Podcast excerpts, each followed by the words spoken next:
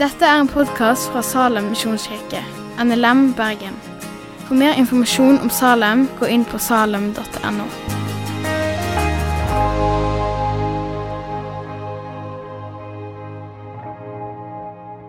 Nå eh, skal vi ha kveldens tale. Jeg har fått være med på ei møteveke i Salem denne uka. Og Temaet for uka er Malaki, profeten Malaki i Gamle testamentet, og underoverskrifta er 'Vekkelsens barnebarn'. Det handler om at I Israel, rundt 400 år før Kristus, når Malaki levde, så hadde det gått ei lita tid siden det har vært ganske store og gjennomgripende vekkelser i folket. Noen generasjoner før Malaki kom, så var det veldig veldig, veldig mange israelitter. De hadde fått komme tilbake fra eksil, de hadde fått bygd opp igjen tempelet, og det hadde blitt en åndelig fornyelse. Så går det noen generasjoner, og så ser vi at en del av formene, en del av pliktene, en del av det ytre det henger fortsatt igjen. Men hjertet til folket det er langt borte fra Herren. Og så henvender Malaki seg til disse her vekkelsens barnebarn, de som lever noen generasjoner etter at det har skjedd store ting i folkene.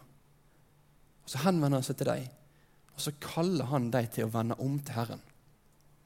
Og så er dette en bok med seks konfrontasjoner, der Malaki tar tak i sak etter sak etter sak knytta til gudslivet til israelsfolket for 2400 år siden. Det begynte med at de, de leita på feil plass etter Guds kjærlighet. I stedet for å se på hva Gud har gjort i historien, i hans frelsende inngripen, så så de rundt seg. Og det var ikke mye av Guds kjærlighet å se. Så tar han tak i deres forakt at synet på tjeneste for Herren det var bare at det var noe de måtte gjøre. Det var et strev, det var et slit. Det var ikke en glede og en takknemlighet de fikk til av Gud. Og I går så var vi innom da at israelsfolket de hadde òg begynt å stenge av enkelte rom i livet sitt, der de ser ut til å si at her er det vi som bestemmer. Her er det vi som er herre. I går handlet det om seksualiteten. Og hvordan Gud han kommer og kaller deg til å vende om fra en tilnærming til seksuallivet, tilnærming til ekteskapet, tilnærming til utroskap som var i strid med Guds gode vilje. I dag er det et annet sånt område vi beveger oss inn i. Et område der det ser ut som at israelittene tenker at her, her vil vi sjøl ha kontroll og det er knytta til pengene. Vi skal be i lag, be i lag før vi leser det som er dagens tekst.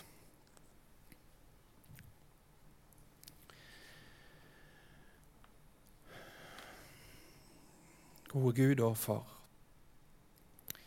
Du som er den sanne Gud fra evighet til evighet.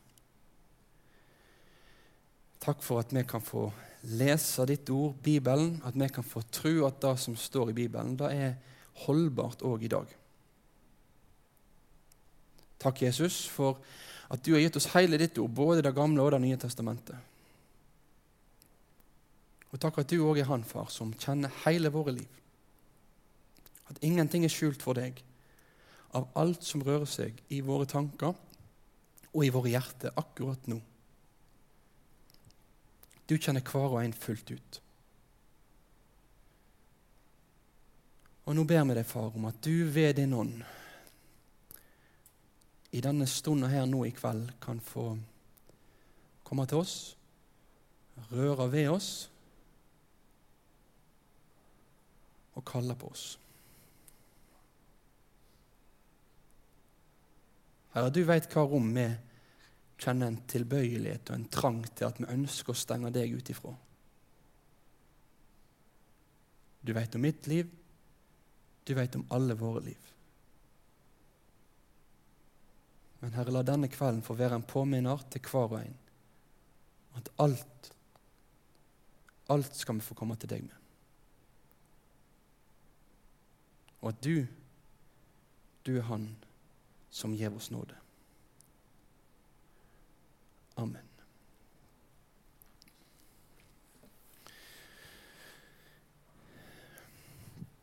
Vi leser sammen nå en tekst fra Malakis bok. Den står i kapittel 3 og vers 6-12, så hvis du har med Bibel, så kan du slå opp og, og følge med der. Hvis det ikke, så kommer den på skjermen her på nynorsk. Malaki kapittel 3 og vers 6-12. Jeg, Herren, har ikke forandra meg. Og det, Jakobs sønner, har ikke gått til grunne. Heilt fra deres fedres dager har de viket av fra mine forskrifter og ikke halde dei. Venn at ende til meg, så skal jeg vende meg mot dykk, sier Herren over hærskarene. Men det sier hvordan skal vi vende at ende? Kan et menneske stjele noe fra Gud? Det stjeler fra meg, men sier hva er det vi har stjålet fra deg? Tiender og offergavene. Under forbanning er det, det stjeler fra meg hele folket. Kommer hele tiender til forrådskammeret, så det finnes mat i mitt hus. Prøv meg på denne måten, sier Herren over hærskarene. Jeg skal sannelig åpne himmelens sluser og auser ut over dykk velsigning uten mål. De som et opp, skal jeg skremme bort fra dykk, så de ikke ødelegger grøda på åkeren og vinstokkene på marka, ikke kaster frukta, sier Herren over herskarene. Da skal alle folkeslag prise dykk sele, for det har et ettertrakta land, sier Herren over herskarene. Amen. Ja, kanskje ikke en eh, sånn eh, fast tekst å ta for seg den dagen vi endelig kan samles igjen i fulle benkerader. Men like fullt en del av Guds ord, Bibelen. En del av det som, når Gud inspirerte forfattere til å skrive ned disse bøkene, lå de på hjertet at de skulle ta med. Og Jeg er overbevist om at den teksten vi har for oss i dag òg, det er en tekst som taler inn i den situasjonen som israelittene var i for 2400 år siden, men har veldig mange tråder inn imot ditt og mot mitt liv i dag òg. Bare sånn at jeg kan ha en tanke om hvor vi vandrer utover, så er dette her de fire hovedtemaene vi kommer til å komme innom. Vi begynner med den uforanderlige Gud. Hva betyr det at Gud er uforanderlig? Hvorfor er det viktig? Er det viktig? Er han uforanderlig? Litt sånne ting. Så skal vi snakke om omvendelse. Hva er omvendelse? Er det valgfritt? Er det for spesielt interesserte kristne? Eller hvordan er det? Så skal vi komme inn på tiende. Da at en gir 10% av pengene sine eller eh, grøden sin eller hva det skulle være. Det står ganske mye om det her. Hvis ikke du har gitt tienden din, har du stelt ifra Gud da? Ja, Det skal vi være litt innom da. Hvordan forholder vi oss til dette med tiende i dag? Og så er det til slutt ut ifra det vi skal si noe om våre penger. Hvordan vi kan få tenke om de gavene Gud tiltror oss. Så her har du litt strukturen på det som har vært sagt i dag. Og som det skjønner, så er det kanskje bra at det var kollekt før talen og ikke etter talen i dag. Sånn at det ikke blir sånt eh, press på at det skal gi. Og det syns jeg egentlig var fint i dag. Men vi begynner med det første punktet som jeg har her. Den uforanderlige Gud. Den uforanderlige Gud. Vi mennesker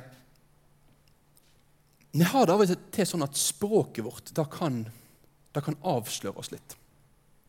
Av og til så kan det være sånn at vi sier noe, og i det som vi sier, så, så kan det ligge litt mer enn det vi første øyekast tenker over. Forrige helg, forrige lørdag, så var jeg i 90-årsdag til morfaren min. Og jeg skal innrømme at jeg har ikke gått så veldig mye i dress i koronatida. Det har jeg ikke gjort. Og jeg har blitt eh, far. Eh, vi har fått ei datter.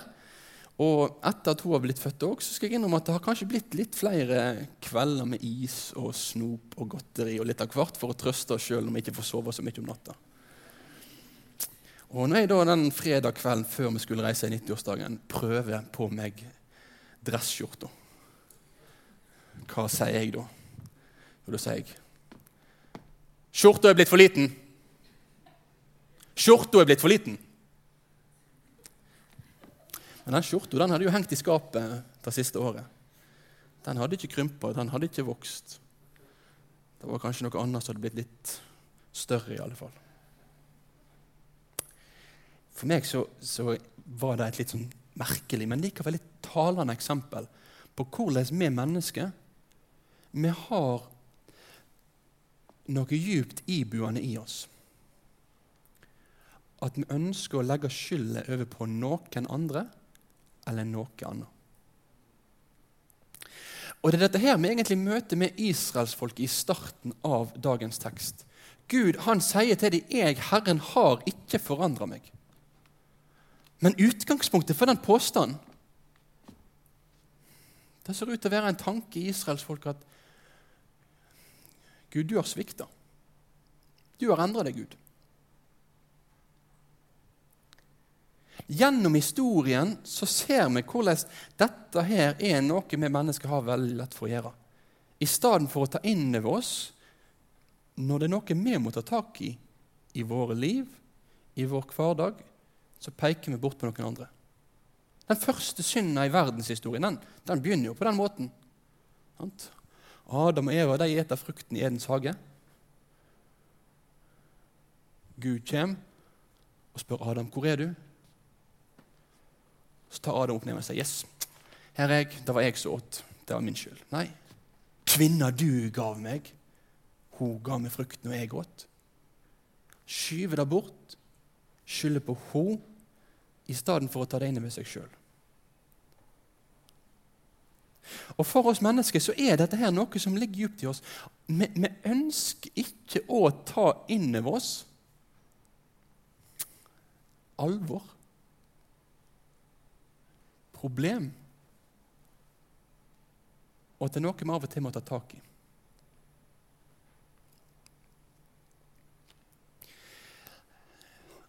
En liten parentes her. Og dette er en litt viktig parentes.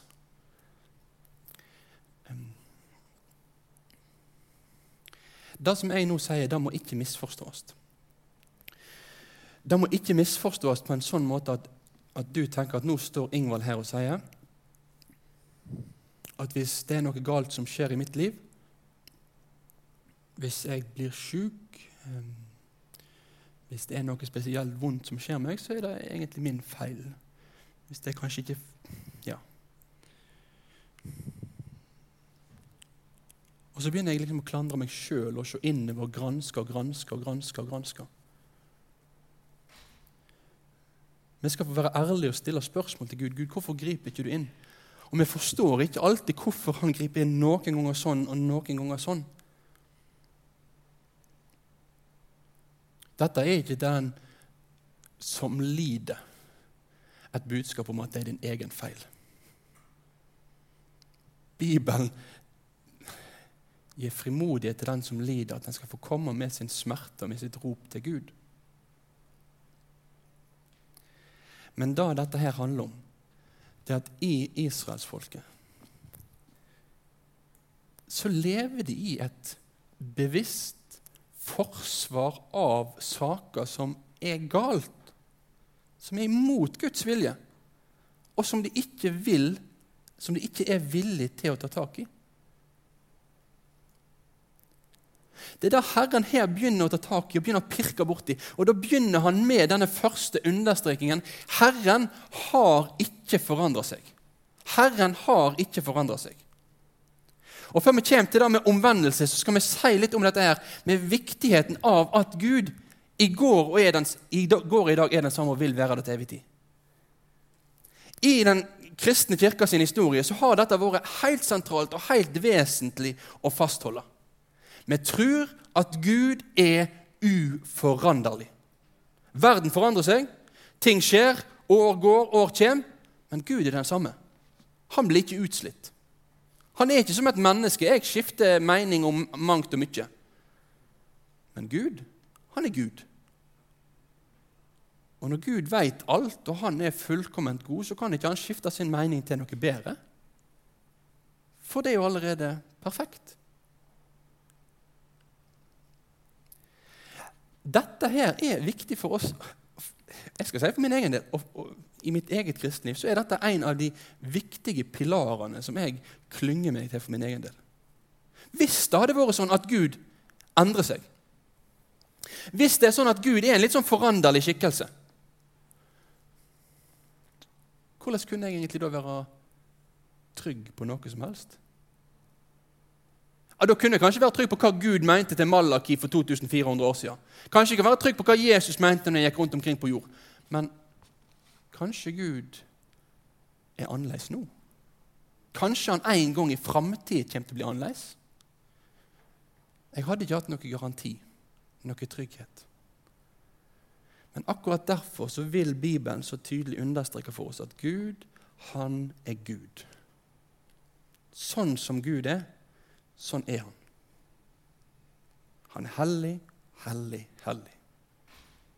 Han er kjærlig, han er nådefull. Han er sånn som Bibelen beskriver han i sin karakter. Og det er noe jeg vil oppmuntre deg til å holde fast ved. Det er et sikkert fundament for din tilværelse. Det er en sikker sannhet. Og det er Gud. Kanskje noen har sett sånn Einar Tørnquist eller et eller annet på, er gått viralt på nettet de siste dagene. Har dere fått med seg det? Ja, Han var på Lindmo, sant? Ja, jeg skal, jeg skal ikke gå inn på det, på det. Men da kommer linjen liksom med en påstand. Er ikke litt fint da, hvis noen sier dette er min sannhet og dette er din sannhet, og så sier han nei, dette er tull? Han har ikke noen overbevisning om at Bibelens sannhet er den ene sannheten. Men han illustrerer veldig tydelig at det er noe godt at det er en sannhet. Og jeg tror at den sannheten er Gud. Og Da vil jeg gi deg frimodighet òg på. Du kan få et sikkert fundament i Bibelens Gud. Ja, vi lever i 2021. Men det har ikke noe å si for hva sannhet faktisk er. For sannhet er sannhet. Så da begynner vi. Problemet til israelsfolket da var ikke da at Gud hadde endra seg. At Gud plutselig hadde begynt å svikte dem. Problemet var derimot at folket hadde endra sitt forhold til Gud. Det var da at de hadde forlatt han som var problemet, ikke at Gud hadde, hadde på en måte plutselig funnet ut at nei, dette er israelsfolket, de bryr ikke jeg meg om lenger. Problemet var israelsfolket som hadde begynt å stjele ifra Gud. Israelsfolket som hadde stengt en del av sitt liv og sier at her, her er det vi som bestemmer. Og så er det da, da denne teksten her taler om, da denne teksten her handler om, nemlig omvendelse. Omvendelse. For nå er Gud og israelsfolket på kollisjonskurs.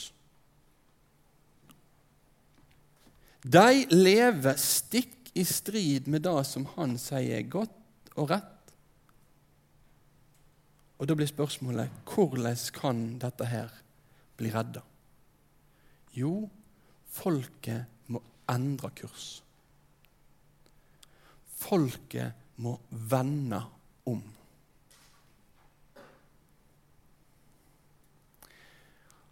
Omvendelse. Kanskje ikke det ordet vi ofte sånn lenger bruker i dagligtale. Men det er et veldig viktig, sentralt kristent begrep. Det handler om å snu seg fra sin synd og snu seg til Gud for å få nåde. Det handler om at hvis en går med livet sitt på kollisjonskurs med Herren, så innser en sitt problem. Og så ber en han om nåde.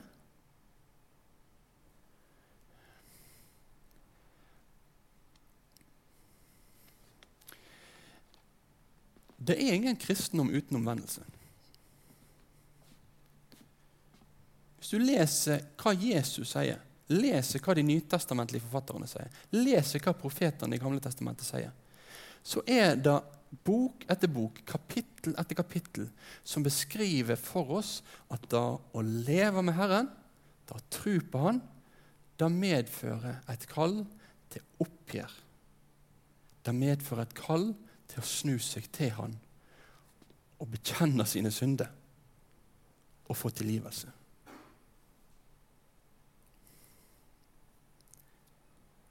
Det er veien inn i kristenlivet. Men det er òg veien gjennom kristenlivet. Derfor har en gjennom historien ofte snakket om det en kaller for den daglige omvendelse. Det har vært et brukt begrep i kristne sammenhenger. At en lever i den daglige omvendelse. Det handler ikke om at ok, en gang så kom jeg til tro på Jesus. Da ble jeg en kristen. Og nå etterpå så lever jeg livet mitt sånn som jeg vil.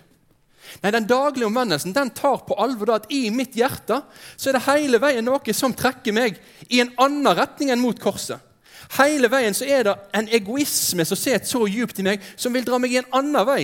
Som vil si at pengene mine de skal jeg styre over. Som vil si at det ene eller det andre området i livet mitt det er mitt. Det er der jeg har kontroll. Og så er det forskjellig for oss som mennesker. Det er forskjellig for deg og for meg og den som du sitter med, hva område i livet som på en spesiell måte din egoisme slår ut på.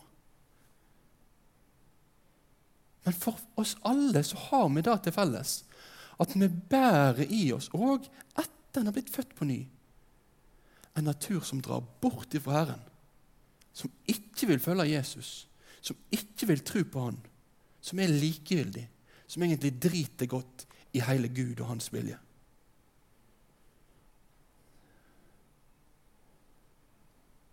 Og så er spørsmålet hvordan forholder vi oss til dette? La meg da skure og gå. Eller var det israelsfolket egentlig gjorde?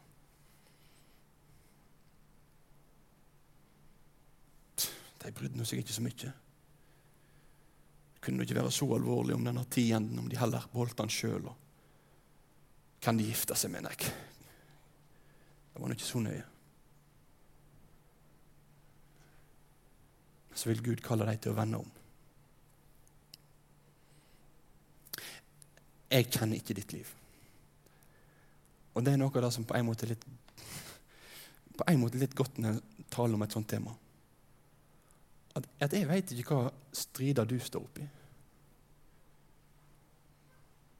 Men de tekstene vi står overfor i Malakis bok, det er tekster som kvaller hver og en av oss til å se på vårt eget liv og tenke over. Er det noen områder der jeg stenger Gud ute? Der jeg ikke vil ha med Han å gjøre? Legg fram for Herren de synd. Bekjenn den for Han. Så skal du få vite at Han er trufast og rettferdig. Så han tilgir oss våre synder og renser oss fra all urettferdighet. Men Bibelen kommer igjen og igjen til Guds folk òg med et kall om å vende om. Og For israelsfolket så er det denne teksten her du tar tak i. Da er deres forhold til pengene deres, til tienden. Og nå, jeg har I mitt hode tenkt det er, to litt, det er to litt separate deler av talen. Den første delen den handler mer generelt til hver og en av oss. Tenk over hele livet ditt. Hvordan det står til. Og kom til Herren med det som du strever med for å få tilgivelse. Og ikke tenk at du kan bare stenge igjen rom etter rom etter rom etter rom og tenke at likevel så står det greit i forholdet ditt til Gud. For sånn er det ikke. Men den andre delen av talen da skal vi rette blikket vårt mot det som har å gjøre med en konkret utfordring. Vi retter blikket vårt mot økonomi og mot penger i Det gamle testamentet og i Det nye testamentet. Så skal vi begynne med å se litt på dette med tienden. For det er tienden som da israelsfolket blir anklaget for at de ikke gir til Herren. Midt på skjermen her så står det det er stjel fra meg, og det de nå stjeler, det er tienden og offergavene.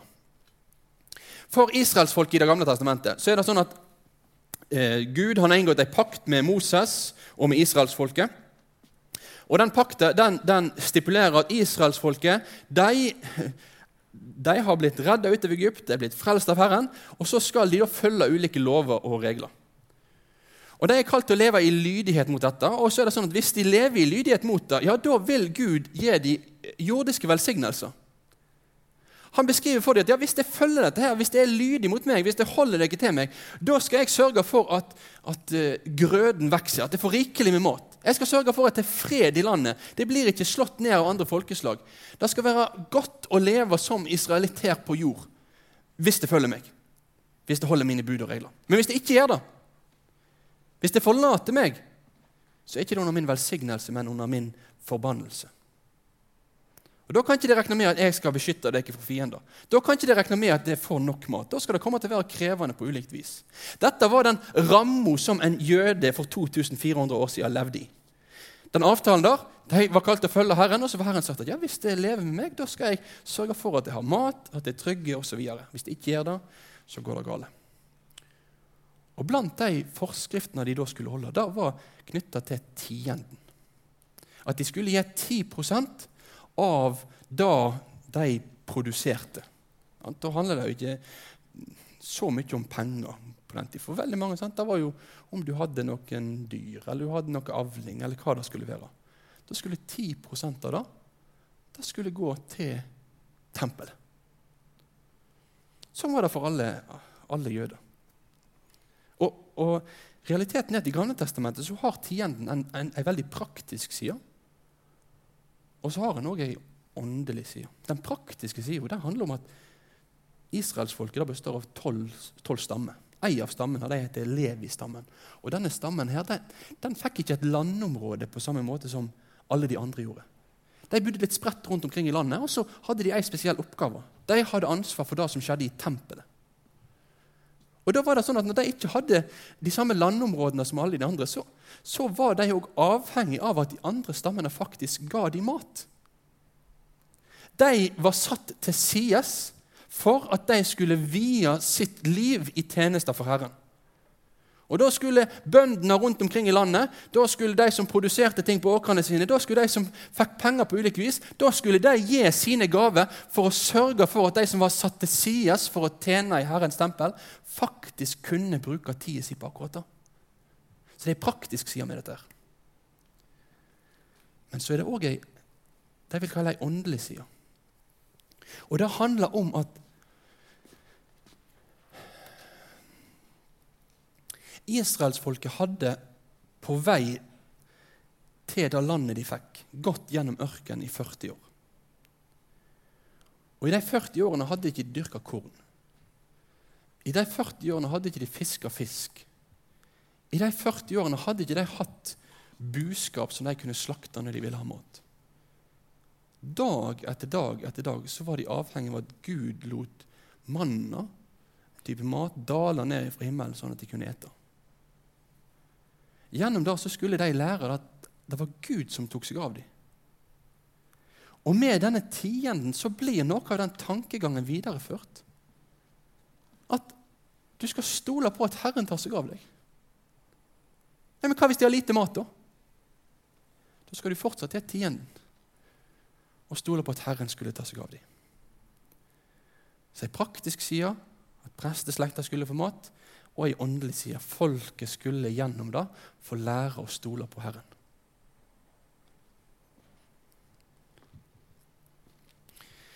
Så tienden var sentral, og Gud han utfordrer israelsfolket helt konkret her. Han sier til dem Prøv meg på denne måten.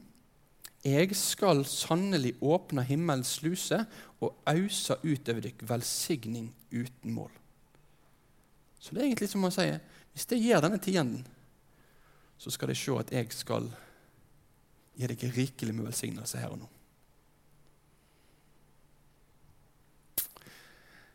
Dette var for 2400 år siden. Og så er mitt spørsmål for deg og for meg i dag Hvordan skal vi forstå dette her? Hvordan skal vi skjønne disse tekstene?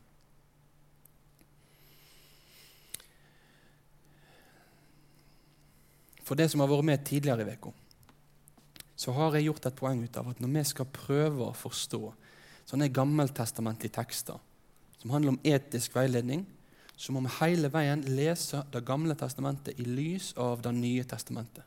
Vi må se at Bibelen er en helhet. Så, så vi, vi, må vi må skjønne at I Det gamle testamentet så har vi den gamle pakt som var inngått med israelsfolket. Da var det disse retningslinjene og disse lovene som gjaldt. Og så lever ikke jeg eller du i den gamle pakt. Vi lever i den nye pakt. Vi er ikke under Moseloven på samme måte som israelittene. Og Derfor må vi til hvert tid stille spørsmålet de lovene som blir behandla i disse tekstene, blir de videreført? Blir de videreført, men kanskje omformulert på en litt annen måte? Eller blir de rett og slett avskaffa?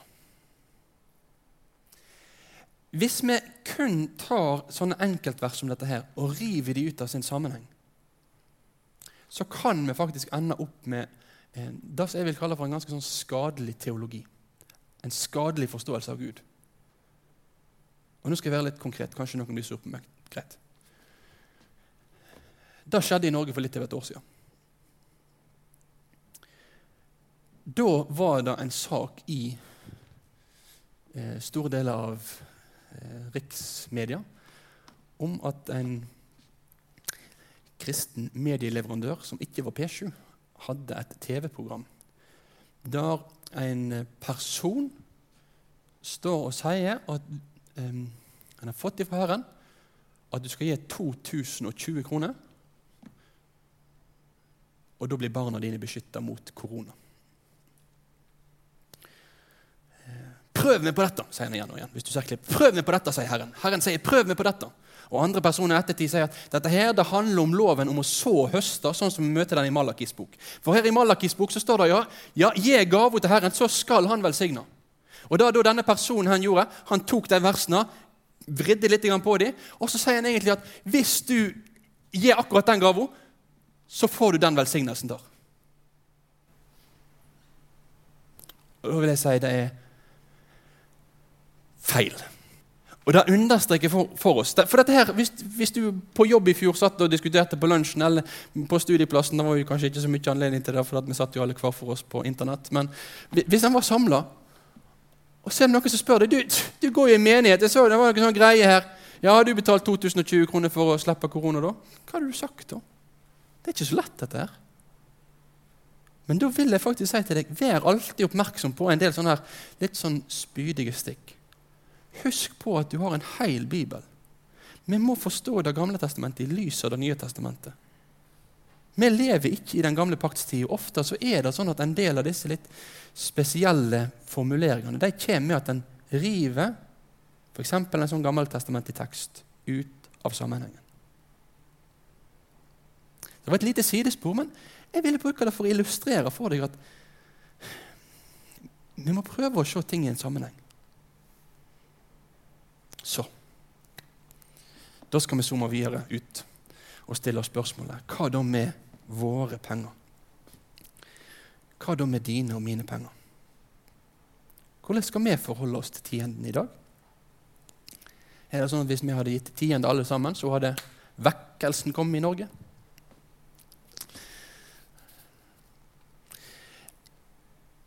Da må vi stille spørsmålet hva sier Nytestamentet?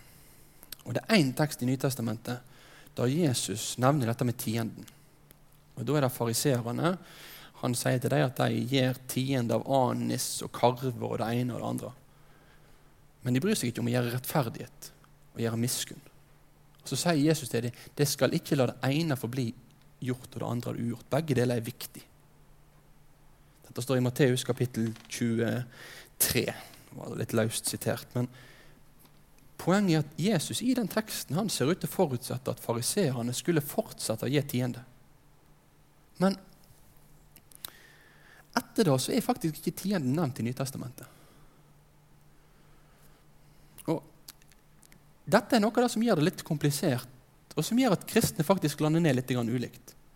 Noen kristne tenker at ja, men fordi Jesus bekrefter tienden her, så er vi kristne forpliktet til at vi skal gi tiende. Men så er det jo andre sånn som meg som sier at nei, jeg kan ikke si at jeg kan se på det som et absolutt påbud. For det som Jesus sier, det er fortsatt innenfor den gamle pakts tid. Det er knytta til fariseerne som var på en måte i, i det rammeverket der. Og Vi må se på brevlitteraturen, vi må se hele Nytestamentet under ett. Og se hva er det som står der. Og Hvis du leser Paulus sine brev, eller Peter sine brev, eller Hebreerbrevet, så blir faktisk ikke ordet tiende nevnt. I alle fall ikke som jeg har funnet. Hvis du finner det, kom gjerne og si det til meg. Men jeg har ikke sett det. Men det betyr ikke at dette med gjevertjenester eller penger er noe som Nytestamentet ikke bryr seg om. Det står mye om Det Nytestamentet. Paulus blant annet, han er veldig opptatt av dette. her. Hvordan kristne forvalter de ressursene som Herren har tiltrudd oss. Så nå kan ikke du tenke at ja, huh, yes, kanon, det der tiende der for Gammeltestamentet, jeg kan bruke pengene mine sånn som jeg vil. Flaks! da kan det på en måte være mitt område i livet mitt. her. Nei, sånn er det ikke. For, for hvis du leser i Nytestamentet, så ser du at her står det, det står forholdsvis, forholdsvis mye om det. Og Nytestamentet advarer oss mot å stenge lommeboken vår og tenke at her er det bare mitt. For jeg vil si at Nytestamentet understreker for oss at alt er Herren sitt. Det er utgangspunktet. Utgangspunktet er ikke at det er 10% som er Guds sitt, og resten er mitt. Alt er Herren sitt. Jeg syns det er en del ledd i Den norske kirke sin gudstjeneste som, som, er ganske fine. En del bønner som en ofte har bedt, som er formulert av en grunn. Og En av de bønnene det er knytta til det som blir kalt for offeret, eller kollekten. Da ber en ofte De er jorda og alt det som fyller henne. Av ditt eie gjev vi deg tilbake. Jeg synes De to korte setningene der de er egentlig med å oppsummere hvordan Bibelen beskriver alt det som blir lagt i dine hender. Det er lagt i dine hender for at du skal få forvalte det, men det tilhører Herren.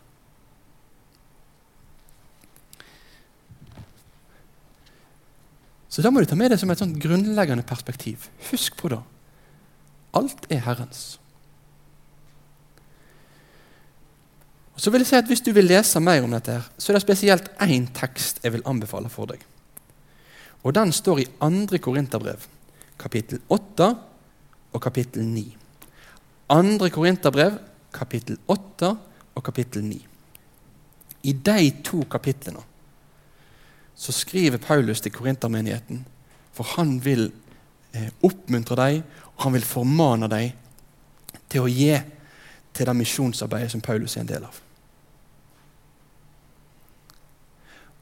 Og et av de momentene som er framtredende i den teksten, og så kanskje vi av og til glemmer når vi snakker om dette med gjevertjenester Det får være min erfaring i møte med de kristne sammenhenger.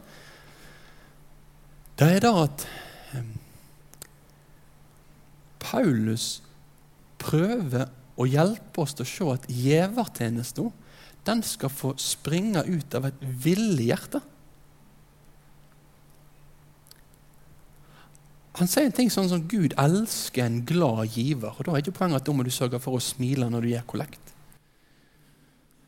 Poenget hans er rett og slett at han vil i løpet av de to kapitlene understreke en sammenheng. En sammenheng som er viktig for oss. For Hvis jeg kan, jeg kan stå her og rope og skrike du må gi penger, du må gi penger, du må gi penger, Jeg kan sikkert trykke så knallhardt på samvittigheten din og tenke å, det er noen som trenger disse pengene mer enn deg. Og er det sikkert så mange som får dårlig samvittighet at Pesjo hadde fått tidenes kollekt i dag? Men Jeg tror det er, det er et rom for å kunne snakke alvorlig om det. Men, men merk deg hvordan grunntonen i 2. Korinterbrev 8 og 9 Den møter vi f.eks. i kapittel 8 og vers 9, der det står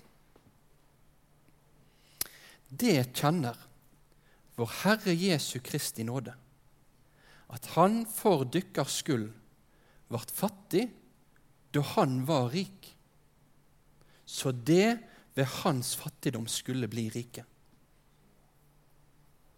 Jeg leste en gang til.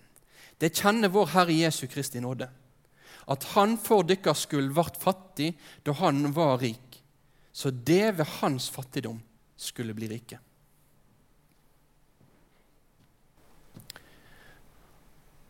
Han vil veilede meg til det å se at jeg har fått alt. Du har fått alt. Han vil vise oss at vet du hva? Jesus har sørga for hele livet vårt. For hele evigheten vår. Han som var så rik, han ga avkall på alt for at du skulle få det. Han elsker deg så høyt at han var villig til å gå i døden for deg og for meg. Dette får du. Dette er ditt. Det er evangeliet. Vær så god. Så blir det spørsmålet Tenk om flere kunne få høre om det? Tenk om flere kunne få del i det?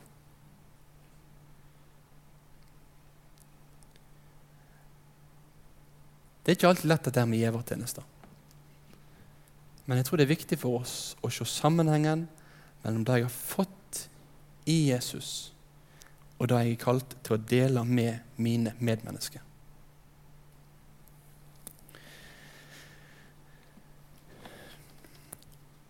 Når jeg skulle skrive opp ei overskrift på talen min, så var den overskriften som jeg valgte, det var 'omvendt lommebok'. Og Nå er det kanskje ikke så veldig mange av dere som har ei lommebok. Og hvis det har ei lommebok, så er det sikkert mest kvitteringer oppi henne, og kort. Men jeg har med meg mi her. Og Ei lommebok den er jo utforma sånn at det er et hull i ene enden.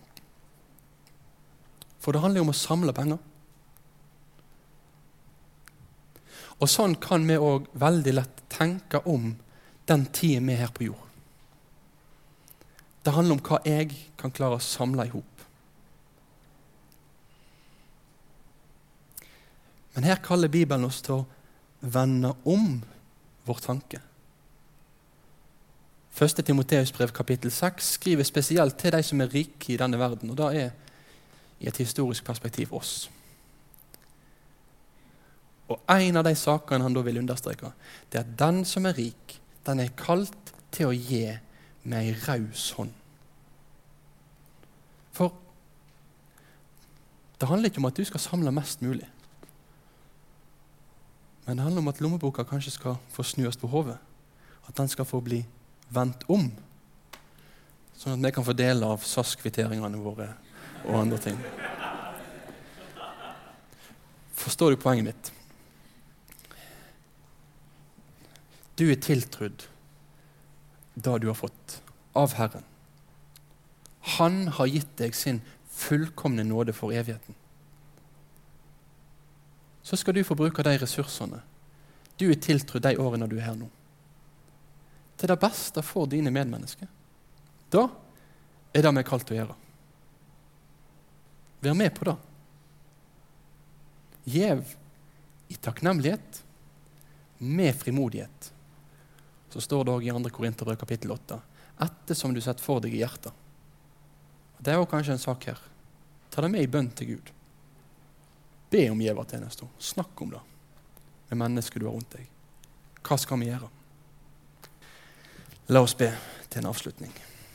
Gode Gud og Far, jeg eh, vil få takke deg, du som har sett til oss på alle mulige vis. Som har sørga for ei fullkommen frelse for oss, far, i Jesus Kristus. At all vår synd er sona, at all vår gjeld er betalt, at alt er gjort opp av Jesus. Og så vet du om hvordan vi så lett kan feste oss til våre penger.